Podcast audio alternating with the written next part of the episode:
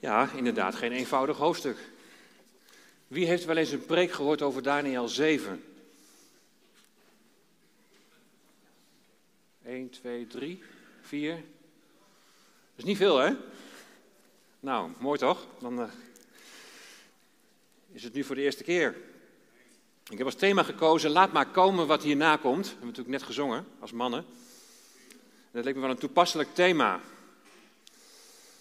Ik lees vanaf vers 1, Daniel 7 vanaf vers 1.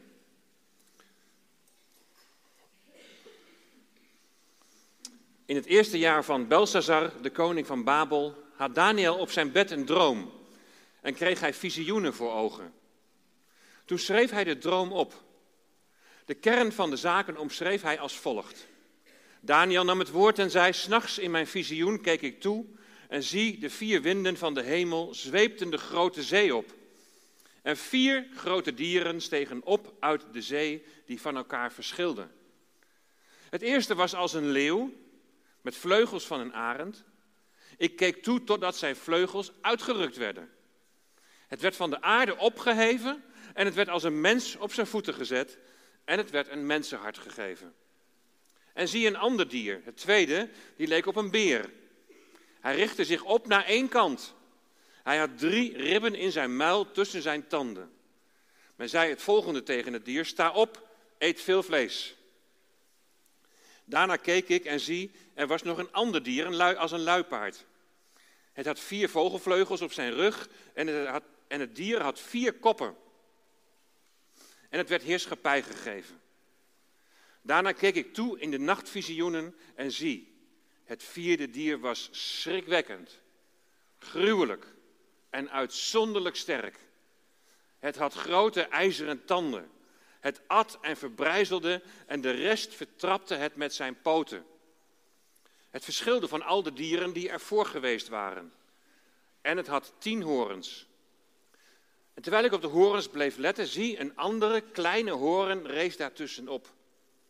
Drie van de eerdere horens werden voor hem uitgerukt. En zie, in die horen waren ogen als mensenogen en een mond vol grootspraak. Ik keek toe totdat er tronen werden geplaatst en de oude van dagen zich neerzetten. Zijn gewaad was wit als sneeuw en het haar van zijn hoofd als zuivere wol.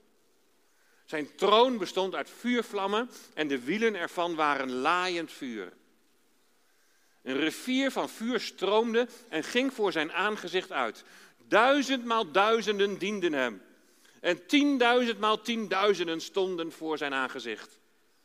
Het gerechtshof hield zitting en de boeken werden geopend. Toen keek ik vanwege het geluid van de grote woorden die de horen sprak. Ik keek toe totdat het dier gedood werd en zijn lichaam vernietigd werd en aan het laaiend vuur werd prijsgegeven. Ook de rest van de dieren ontnam men hun heerschappij, want verlenging van het leven was hun gegeven tot een bepaald tijdstip en een bepaalde tijd.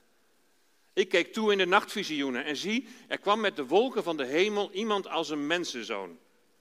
Hij kwam tot de oude van dagen en men deed hem voor zijn aangezicht naderbij komen.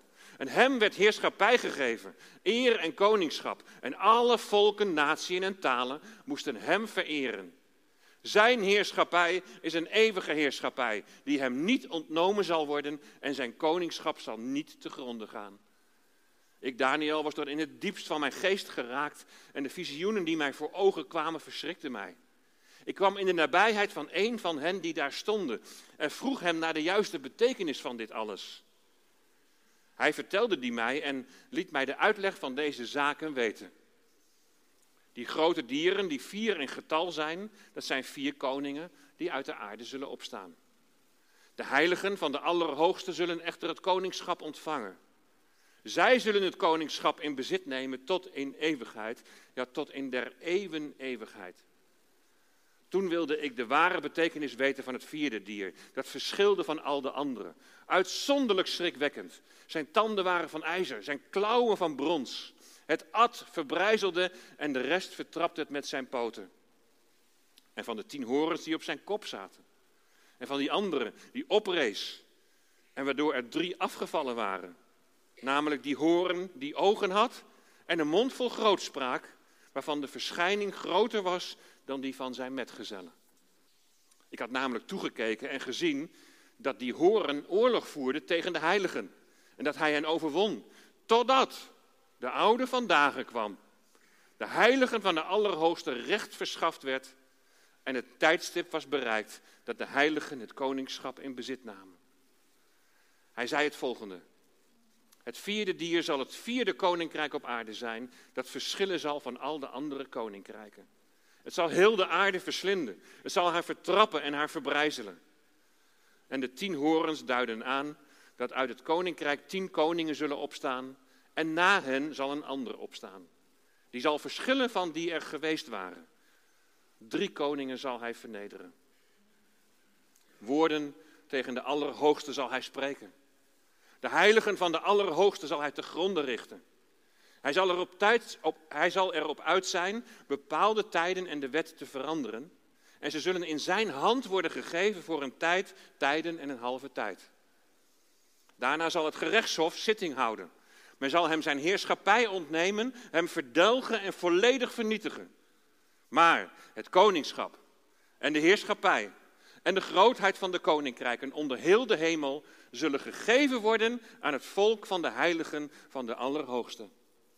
Zijn koninkrijk zal een eeuwig koninkrijk zijn en alles wat heerschappij heeft, zal hem eren en gehoorzamen. Hier is het einde van deze woorden. Wat mij, Daniel, betreft, mijn gedachten verschrikten mij zeer en mijn gelaatskleur veranderde. Deze woorden bewaarde ik echter in mijn hart.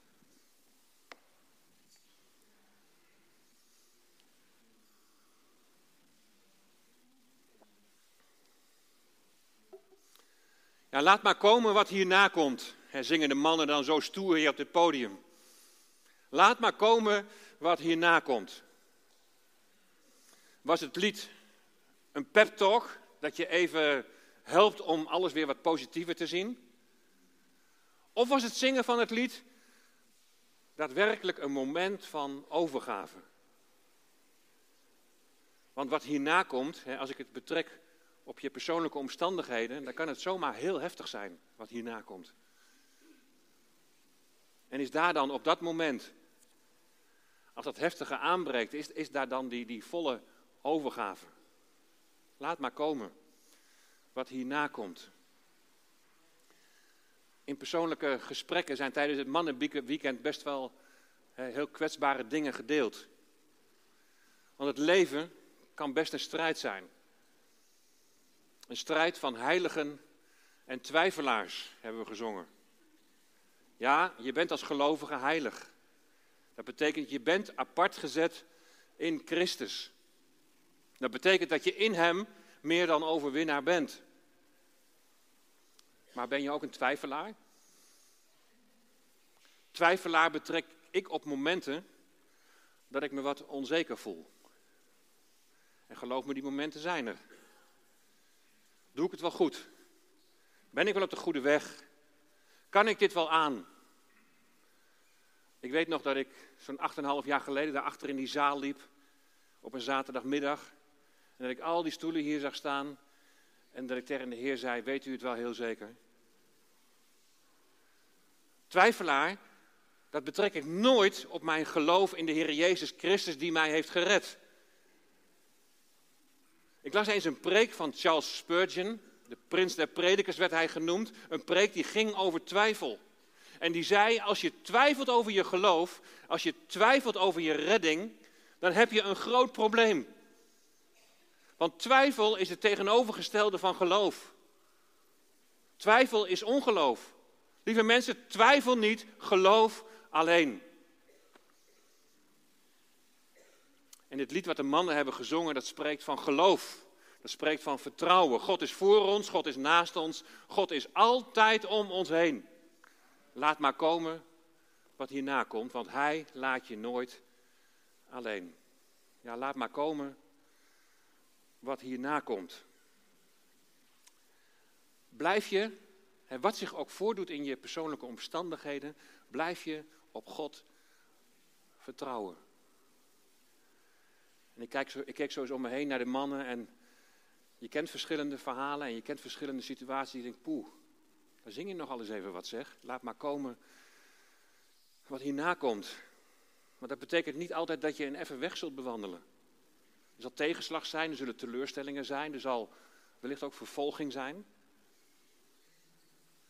Maar hoe omstandigheden of mensen je ook aan het wankelen kunnen brengen, als je valt, dan sta je in Gods kracht weer op. Want wat houdt ons op de been? Wij lopen wat God heeft beloofd achterna. Dat hebben we ook gezongen. We lopen wat God heeft beloofd, dat lopen we achterna. En wat God heeft beloofd, dat geeft perspectief. En iets van die belofte van Gods plan, die vinden we in het Bijbelboek Daniel.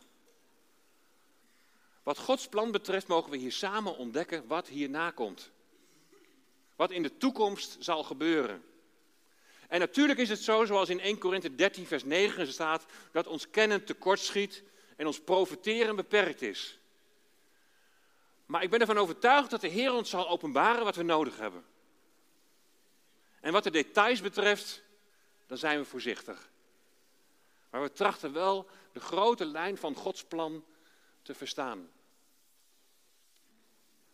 We lopen wat God heeft beloofd, lopen we achterna.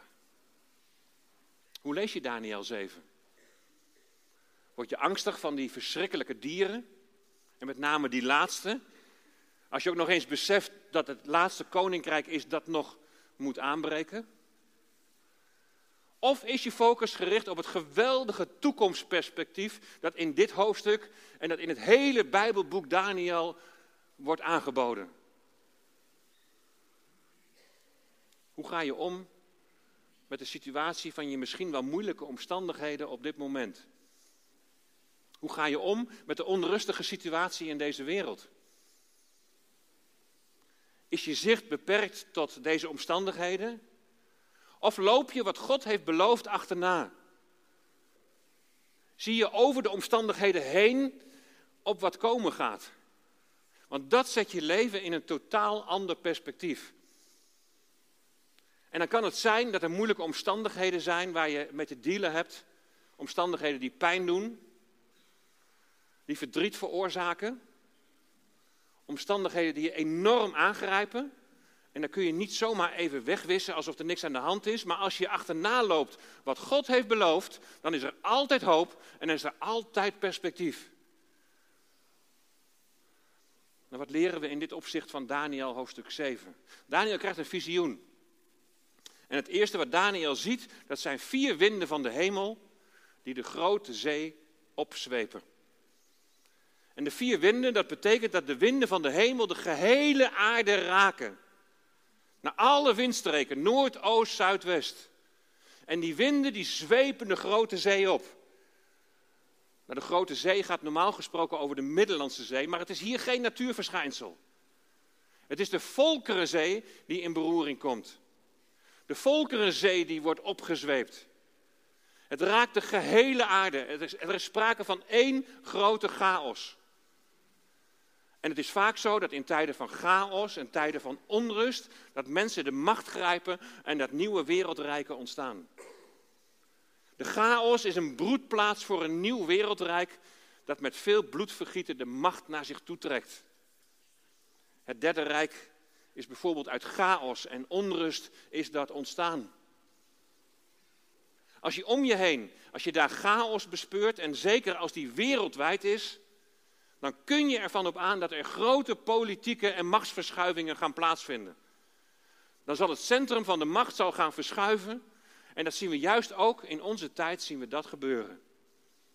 En is het dan een verschuiving die we vaker in de geschiedenis hebben gezien, die vaker heeft plaatsgevonden? En gaan we daarna dan weer over naar ja, gewoon een nieuwe situatie? Of leven we in de tijd dat God gaat ingrijpen en hij door strijd heen zijn koninkrijk hier op aarde zal vestigen. Laten we maar eens kijken naar wat er gebeurt in de tijd van Daniel. Vier grote dieren stijgen op uit de zee.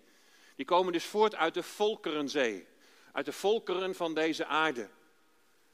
En in vers 17 hebben we gelezen dat die vier grote dieren, dat ze vier koningen voorstellen. Het gaat dus over vier koningen, over vier wereldrijken die in een tijd van onrust en chaos gestalte krijgen. En we zien in die vier dieren zien we vier wereldrijken. En we zien een grote overeenkomst met de droom van Nebukadnezar in Daniel hoofdstuk 2. En daar droomde Daniel over een beeld met een gouden hoofd. Dat beeld staat voor het Babylonische Rijk. En je ziet er overeenkomst met de leeuw die vleugels heeft als een arend. De leeuw die staat voor sterk, voor krachtig. De arend staat voor snelheid. Die kan grote afstanden afleggen. Het Babylonische Rijk is snel gegroeid. Maar de vleugels werden uitgerukt. Hij werd op de aarde gezet. Nebukadnezar werd door God in het nauw gedreven en hij moest grazen als een koe. Dan de borst en de armen van zilver, die beeld staan voor het Medo-Persische Rijk. De beer. En de beer die staat voor grote kracht. Het Rijk had gigantische legers die de tegenstander verpletterden. De buiken en de dijen van brons staan voor het Griekse Rijk. Het luipaard met vier vogelvleugels op de rug en vier koppen. En de vleugels spreken weer van enorme snelheid. In ruim tien jaar veroverde Alexander de Grote een rijk dat nog groter was dan het Medo-Persische Rijk. Maar Alexander de Grote stierf jong. Het rijk viel na jaren uiteindelijk uiteen in vier rijken. Vier koppen, vier koningen. Maar ik heb van deze rijken nog lang niet alle details uitgelegd, maar dat komt dan bij de onderwijsavond wel. Het rijk dat hier heel veel aandacht krijgt, dat is dat vierde rijk. In de, in de droom van koning Nebukadnezar wordt het vierde rijk wordt aan de benen van ijzer en leem, of aan de benen van ijzer en de onderbenen, inclusief de tenen, van ijzer en leem. En in die twee benen, daar zie ik, wat ik ook bij de onderwijsavond al heb gezegd, zie ik het West- en het Oost-Romeinse Rijk. In het laatste zoeklicht, daar stond een heel bijzonder artikel over dat West- en Oost-Romeinse Rijk. En ik geef daar even iets over door, omdat het zo actueel is en het heel bijzonder aansluit bij Daniel 2 en Daniel 7, het beeld van Nebukadnezar en hier die vier dieren. We gaan even een duik in de geschiedenis maken om, om dit beter te begrijpen. Het Romeinse Rijk dat bestond al vanaf 753 voor Christus. Het bestond dus al in kleinere vorm tijdens die andere drie rijken. Het was eerst een koninkrijk, daarna werd het een republiek en daarna werd het een keizerrijk. In 285 en definitief in 395 na Christus, dat is kort na keizer Constantijn, dan kwam er een splitsing. En je kreeg toen het westelijke, het Romeinse Rijk met Rome als hoofdstad. En het oostelijke rijk, dat het Byzantijnse Rijk wordt genoemd, met Constantinopel als hoofdstad. Het huidige Istanbul. Het West-Romeinse Rijk bestaat tot 476 na Christus. En het wordt dan veroverd door Germaanse stammen en dan is het dus afgelopen. Maar het oosten, oostelijke Byzantijnse Rijk bestond nog tot 1453. En dan volgt het Ottomaanse Rijk, de overheersing door de Turken. En wij denken bij het Romeinse Rijk al gauw aan de tijd dat de Heer Jezus hier op aarde was. Zoals ik al zei, het werd op een gegeven moment een keizerrijk. Dat was pas in 27 voor Christus. En de eerste keizer was keizer Augustus. Het rijk heeft zich in verschillende gedaanten en grootte gedurende de tijd heeft het zich ontwikkeld en is dus op een gegeven moment gesplitst. Tijdens de onderwijsavond heb ik aangegeven dat ik de tien tenen, en hier in Daniel 7 de tien horens, zie als een herstel van het Romeinse Rijk in wat voor vorm dan ook precies. Harry Hoijman die vroeg mij of dit misschien ook betrekking zou kunnen hebben op het Ottomaanse Rijk. Weet je, dat is een streven van Erdogan, van, van Turkije. Die wil graag dat oude Ottomaanse Rijk weer. Nou, het zou, het zou er heel goed mee te maken kunnen hebben. De machtspanelen in de wereld die zijn op het moment heel bijzonder aan het verschuiven. De voorbereidingen voor een verschuiving in de richting van een eindtijdscenario waarbij de macht steeds meer wordt geconcentreerd en uiteindelijk de antichrist de alleenheerser zal zijn, die zijn volgens mij in volle gang. Zoals ik al zei, als je om je heen chaos bespeurt, en zeker als die wereldwijd is, dan kun je ervan op aan dat er hele grote politieke en machtsverschuivingen gaan plaatsvinden. Dan zal het centrum van de macht gaan verschuiven. Wat nemen we waar? Erdogan wil het Ottomaanse Rijk. Maar waar is Poetin mee bezig? Poetin die ambieert een groot verenigd Russisch Rijk. Hij wil het oude Tsarenrijk wil hij weer herstellen. En waar ik me niet van bewust was, is dat de oorlog in de Oekraïne voor een groot gedeelte gaat om een religieuze strijd. Volgens Poetin delen de grote Russen, dat is Rusland, de kleine Russen, waaronder de Oekraïners, en de Wit-Russen, die delen met elkaar één godsdienst. Zij behoren volgens hem, behoren ze tot één rijk dat onder één tsaar moet vallen. En natuurlijk wil hij dan die tsaar zijn. De tsaren waren ook grootvorst in Oekraïne, in Moldavië, in Finland en Polen. Dus de vrees dat, niet, dat het niet alleen bij de Oekraïne zal blijven, is niet geheel ongegrond. Wat Poetin drijft, is niet slechts een verenigd, maar een heilig Russisch Rijk. Eerst viel hij onder het mom van denazificatie, viel hij het land binnen. Maar onlangs heeft hij het doel bijgesteld en heeft hij het nu over desatanisatie van de Oekraïne. Volgens hem staat de Oekraïne niet veel te veel onder de invloed van het onheilige Westen. En dan noemt hij de hele LHBTI-ontwikkelingen noemt hij als voorbeeld. Geestelijke strijd. Rusland is ontstaan toen Vladimir, een andere Vladimir, de vorst van Kiev, zich in het jaar 988 op de Krim bekeerde tot het christendom. Daarna liet deze vorst zijn volk massaal dopen in de Dnieperrivier. En Kiev is daardoor een hele essentiële stad in de geschiedenis van Rusland. Volgens Poetin is Gersonesos op de Krim de plek waar Vladimir werd gedoopt is voor de Russen hetzelfde als wat de Tempelberg is voor de Joden. Daarom is de, daarom is de Krim voor hen zo belangrijk. Patriarch Kirill, het hoofd van de Russisch-Orthodoxe Kerk in Moskou, ziet samen met Poetin deze oorlog als een religieuze en als een heilige strijd.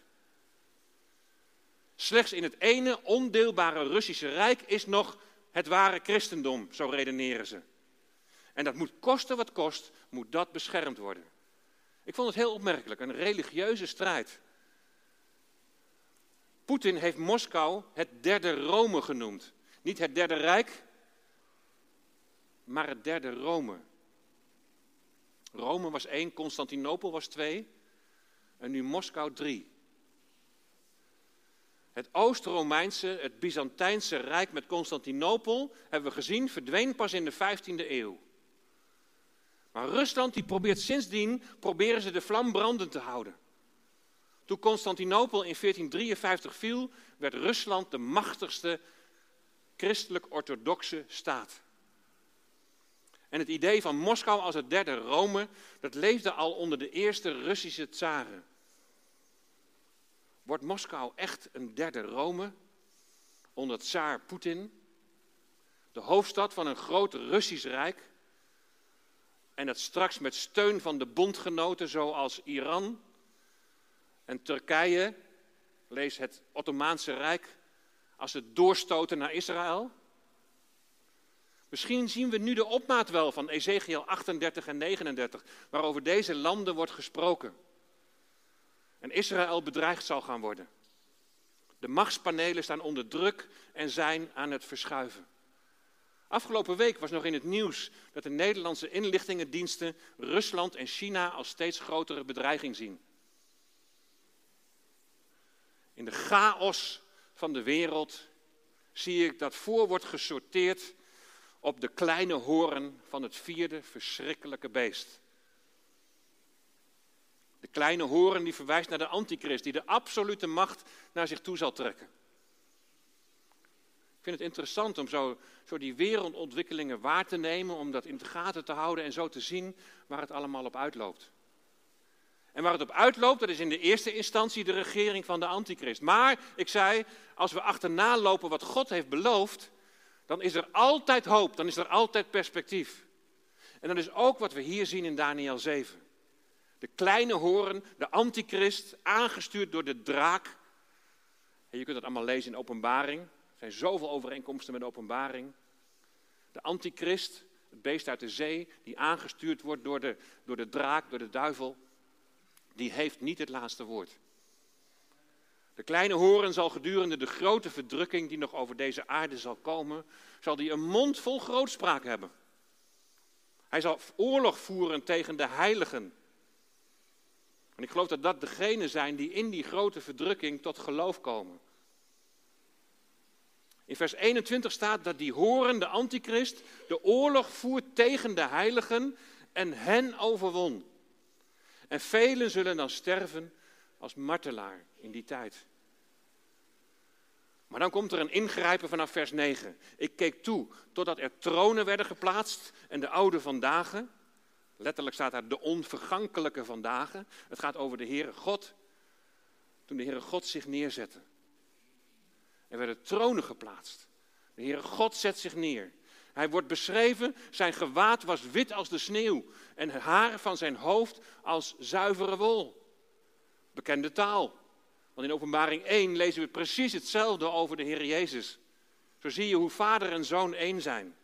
Zijn, zijn troon bestond uit vuurvlammen en de wielen ervan waren laaiend vuur. Op een geweldige manier wordt de almacht van God de Vader beschreven. Een rivier van vuur stroomde en ging voor zijn aangezicht uit. Een rivier van vuur, het verterende oordeel van de Allerhoogste.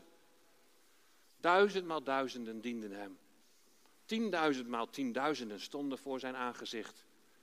Miljoenen engelen dienden hem. Het gerechtshof hield zitting en de boeken werden geopend. En het is een rechtszitting waar het oordeel over de antichrist wordt uitgesproken. Ik keek toe totdat het dier gedood werd en zijn lichaam vernietigd werd en aan het laaiend vuur werd prijsgegeven. En dan komt die geweldig mooie beschrijving van het moment dat de mensenzoon, de Messias, de zoon van God, de oude van dagen, verschijnt. Ik keek toe in de nachtvisioenen en zie, er kwam met de wolken van de hemel iemand als een mensenzoon. Hij kwam tot de oude van dagen en men deed hem voor zijn aangezicht naderbij komen. Nu wordt duidelijk wie zal heersen over dat koninkrijk van de steen. Weet je, die steen die losrolde in Daniel 2. Wie zal regeren over het Messiaanse Rijk, wat hetzelfde is. Wie zal reageren, eh, regeren over het duizendjarig vrederijk dat nog komen gaat. De mensenzoon, de Messias, de Zoon van God, de Heer Jezus Christus verschijnt bij de rechtszitting. En dan staat er in vers 14, hem, Jezus de Messias, werd gegeven heerschappij, eer en koningschap. En alle volken, natieën en talen moesten hem vereren. Zijn heerschappij is een eeuwige heerschappij die hem niet ontnomen zal worden. En zijn koningschap zal niet te gronden gaan.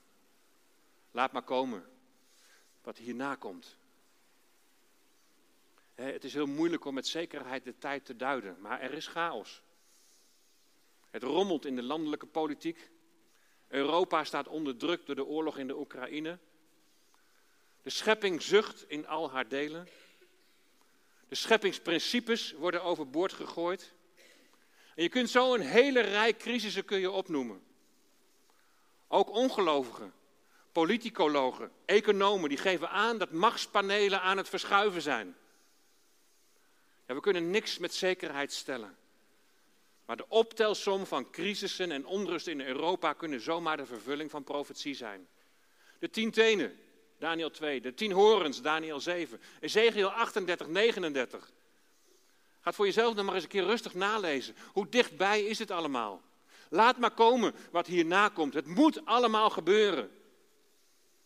En misschien zie je er wel tegenop. Als je het Nieuwe Testament leest, dan, dan leer je dat het voor een christen heel normaal is om te lijden. Want daaruit blijkt onder andere je navolging van Christus die voor ons geleden heeft. Als in vervulling gaat wat we hier in Daniel 7 lezen, en die kleine horen, die antichrist gaat regeren, dan gaat het over de tijd van grote verdrukking die over deze aarde zal komen. Hier in Daniel 7 wordt gesproken van een tijd, tijden en een halve tijd. Volgens mij gaat dit over drie en een half jaar. De tweede drie en een half jaar van die zeven jaar van verdrukking. De tijd vlak voor de wederkomst van de Heer Jezus. Het moment dat aan Jezus de Messias heerschappij, eer en koningschap wordt gegeven. En alle volken, naties en talen Hem moeten vereren. Laat maar komen wat hierna komt. En we weten niet wanneer de bazuin zal klinken. En wij de Heer tegemoet zullen gaan in de lucht om voor altijd bij Hem te zijn. Ik geloof persoonlijk dat het voor die zeven jaar zal zijn. Maar er zijn ook andere ideeën over. Maar laat je dat dan geen valse gerustheid geven dat je met, met vervolging en verdrukking niet te maken zult krijgen. Henk Binnendijk die waarschuwde onlangs op Urk en ik sluit me daar helemaal bij aan. Als je niet dicht bij de Heer leeft en met Hem wandelt, als de Bijbel geen dagelijkse kost voor je is, en dan gaat het niet om de hoeveelheid wat je leest, maar dat je wel beseft van, dat is het woord waar God tot mij spreekt. Als je geen gebedsleven kent, als er geen verbondenheid is met medegelovigen, dan is de kans groot dat je het straks niet gaat redden. De kans is dan groot dat je niet staande zult blijven, maar meegezogen zult worden in de chaos van de Volkerenzee. Connect is het jaarthema. Gemeenschap met God, gemeenschap met gelovigen en een roeping om deze wereld het evangelie te verkondigen.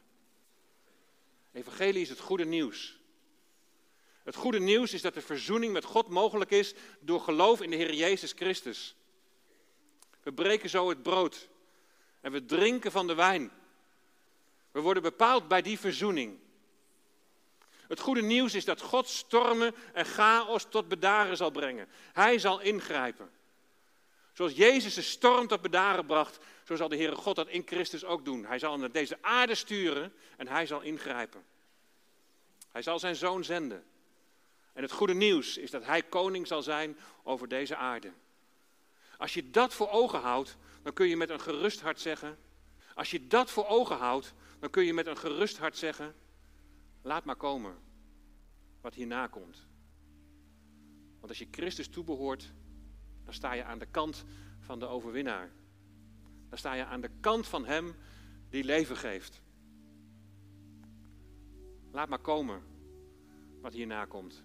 Want Hij laat je nooit alleen. Amen.